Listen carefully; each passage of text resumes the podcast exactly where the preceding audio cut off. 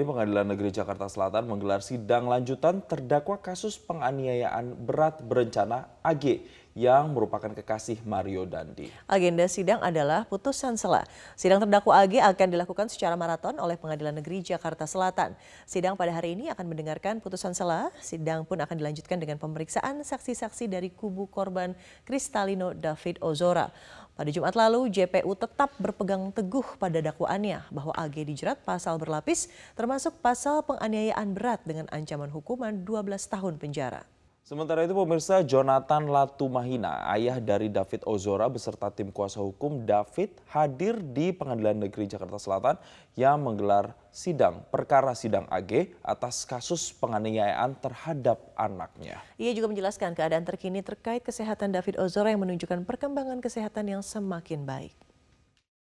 Seperti keterangan dari Rumah Sakit Mayapada dan juga saya yang selalu nemenin David, kondisi David saat ini terbagi menjadi dua terapi. Yang pertama adalah terapi kesadaran kualitatif, di mana hal tersebut adalah yang terkait dengan kognitif, bagaimana otak bekerja dan lain-lain. Kemudian yang kedua adalah kesehatan kesadaran kuantitatif, atau boleh disebut dengan motorik. David ini mengalami diffuse axonal injury stage 2. Penyebabnya adalah trauma keras yang menyebabkan otaknya berputar dan syaraf-syarafnya putus semua. Secara medis, David koma dari hari Senin tanggal 20 Februari 2023 sampai hari Senin selanjutnya atau komanya selama 8 hari.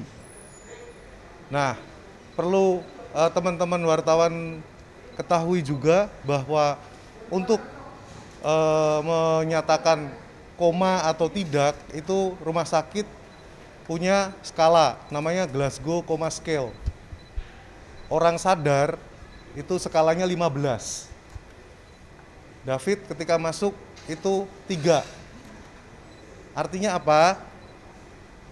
Glasgow Coma Scale ini parameternya ada tiga. Yang pertama adalah respon penglihatan, yang kedua respon pendengaran, yang ketiga respon gerak.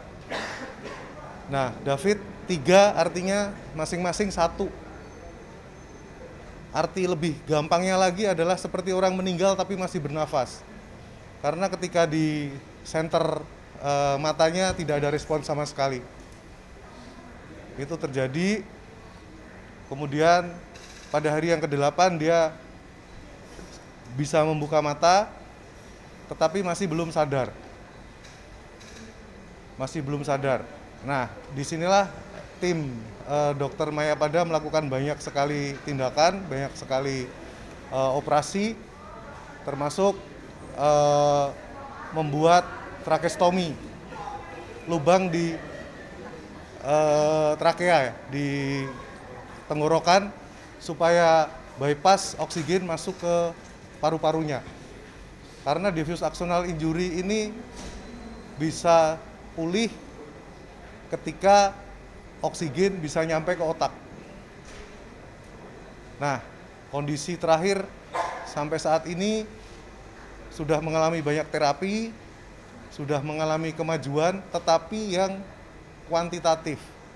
Artinya dia bisa boker, dia bisa pipis secara otomatis seperti kita kalau kebelet dia bisa uh, menelan, minum dan lain-lain, tetapi kesadaran kualitatifnya belum. Jadi sekarang kalau saya sering posting di medsos itu menunjukkan hal-hal yang dia respon di awal, senyum, menangis, itu adalah harapan-harapan kesadaran kualitatifnya pulih. di mana pasca terbakarnya kilang refinery unit 2 Pertamina Dumai Riau pada Sabtu lalu, pihak Pertamina menyatakan akan mengganti seluruh kerugian masyarakat akibat insiden tersebut. Ya, Pertamina juga menjamin pasokan BBM ke wilayah Sumatera bagian utara tidak akan terganggu. Pertamina bekerja sama dengan pemerintah kota Dumai untuk mendata rumah warga, rumah ibadah, dan sekolah yang terdampak oleh ledakan. Pendataan kerusakan dilakukan dengan tim pendampingan pemerintah daerah agar tepat sasaran dan prosesnya cepat. Direktur Utama PT Kilang Pertamina Internasional Taufik Aditya Warman memastikan warga mendapat ganti rugi dan perbaikan segera dilaksanakan. Menurut Taufik, Pertamina Dumai juga menjamin pasokan BBM ke konsumen berjalan normal, khususnya bagi pengguna BBM di area Sumatera bagian utara. Kita tetap akan ganti untuk untuk ininya lah untuk recovery daripada fasilitas tersebut. Nah tentunya ini harus didampingi oleh uh, tim dari Forkopinda supaya nanti kita juga tepat sasaran dan cepat untuk penanganannya. Yang tentunya utamanya untuk memastikan uh, supply daripada BBM daripada RU2 ini tetap terjaga utamanya pada saat sekarang Ramadan dan Idul Fitri ya ke depan untuk uh, Kepri dan uh, Sumbagut.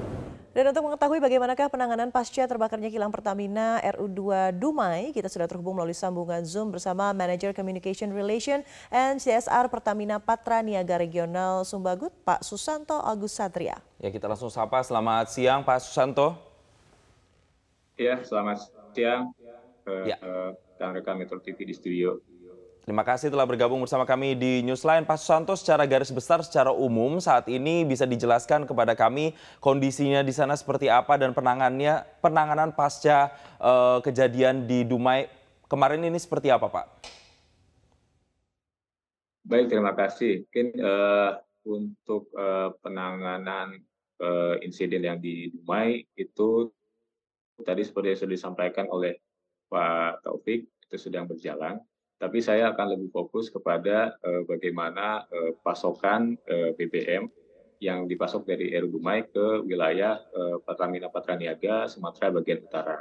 Seperti itu Mas. Jadi kalau untuk yang tadi insiden dan lain-lain seperti yang, topik, eh, yang sampaikan oleh Pak Taufik seperti itu sedang berproses. Tapi saya akan lebih fokus kepada uh, pasokan BBM apalagi di saat Ramadan dan Idul Fitri ini yang dipasok dari RU 2 Dumai itu mungkin. Iya betul Pak Susanto. Uh, pasokannya juga ini memang menjadi pertanyaan begitu ya, apakah menjadi terhambat karena insiden kemarin? Jaminan dari Pertamina untuk tetap uh, menjalankan begitu, apalagi tadi Pak Susanto mengatakan bahwa iya ini sudah dekat mudik begitu ya, sedang sedang Ramadan. Uh, jaminan untuk pasokan di sana seperti apa Pak Susanto?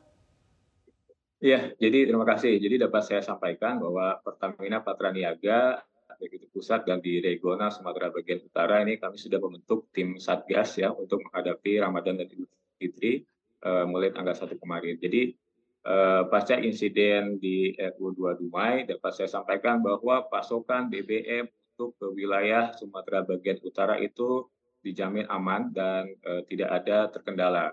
Jadi sebagai informasi bahwa RU Dumai itu mempasok BBM itu ke wilayah Sumatera Utara itu ke uh, Kepri, Provinsi Kepri, Riau, dan juga sebagian Medan.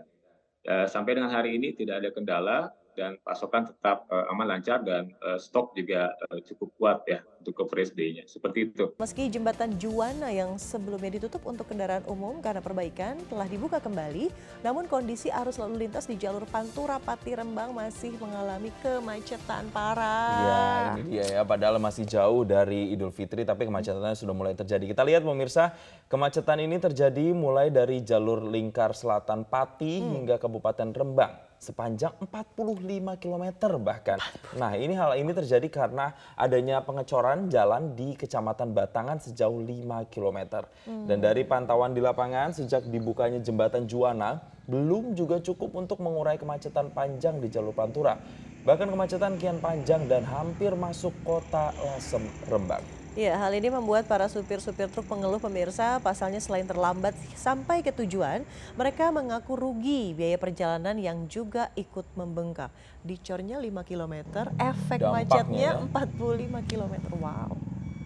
Ya, pemirsa kemacetan di jalur Pantura Rembang Pati Jawa Tengah hingga hari keempat ini juga masih terjadi. Ya kendaraan yang didominasi truk besar ini bahkan mengular hingga 45 km dan hal ini membuat para sopir mengeluh karena biaya perjalanan yang menjadi membengkak dua kali lipat. Kita lihat bersama kemacetan lalu lintas di jalur Pantura Rembang menuju Kabupaten Pati, Jawa Tengah akibat pekerjaan dan pengecoran jalan masih terjadi hingga hari ini. Kemacetan sepanjang 45 km membuat kendaraan menumpuk yang didominasi oleh truk besar. Para supir truk yang terjebak macet pun kini mulai mengeluh pemirsa karena biaya perjalanan mereka menjadi double atau membengkak. Tak hanya itu, dampak kemacetan ini juga berpengaruh dengan estimasi perjalanan menjadi cukup lama sehingga terjadi pengurangan upah. Mereka berharap kemacetan bisa terurai karena hanya jalur Pantura Pati Rembang yang bisa dilewati. Para supir truk berharap agar pemerintah memberikan perhatian untuk mengurai kemacetan di wilayah Pantura Timur ini.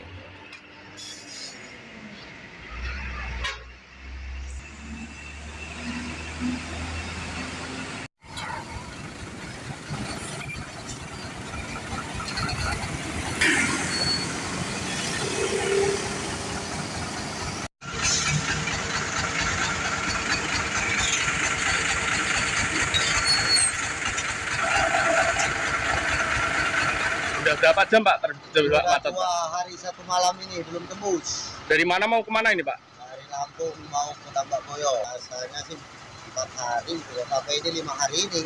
Jadi apa dalam satu hari. Pak biayanya meng- eh, bengkak enggak Pak? Waduh kalau biaya mah jangan dibilang pak.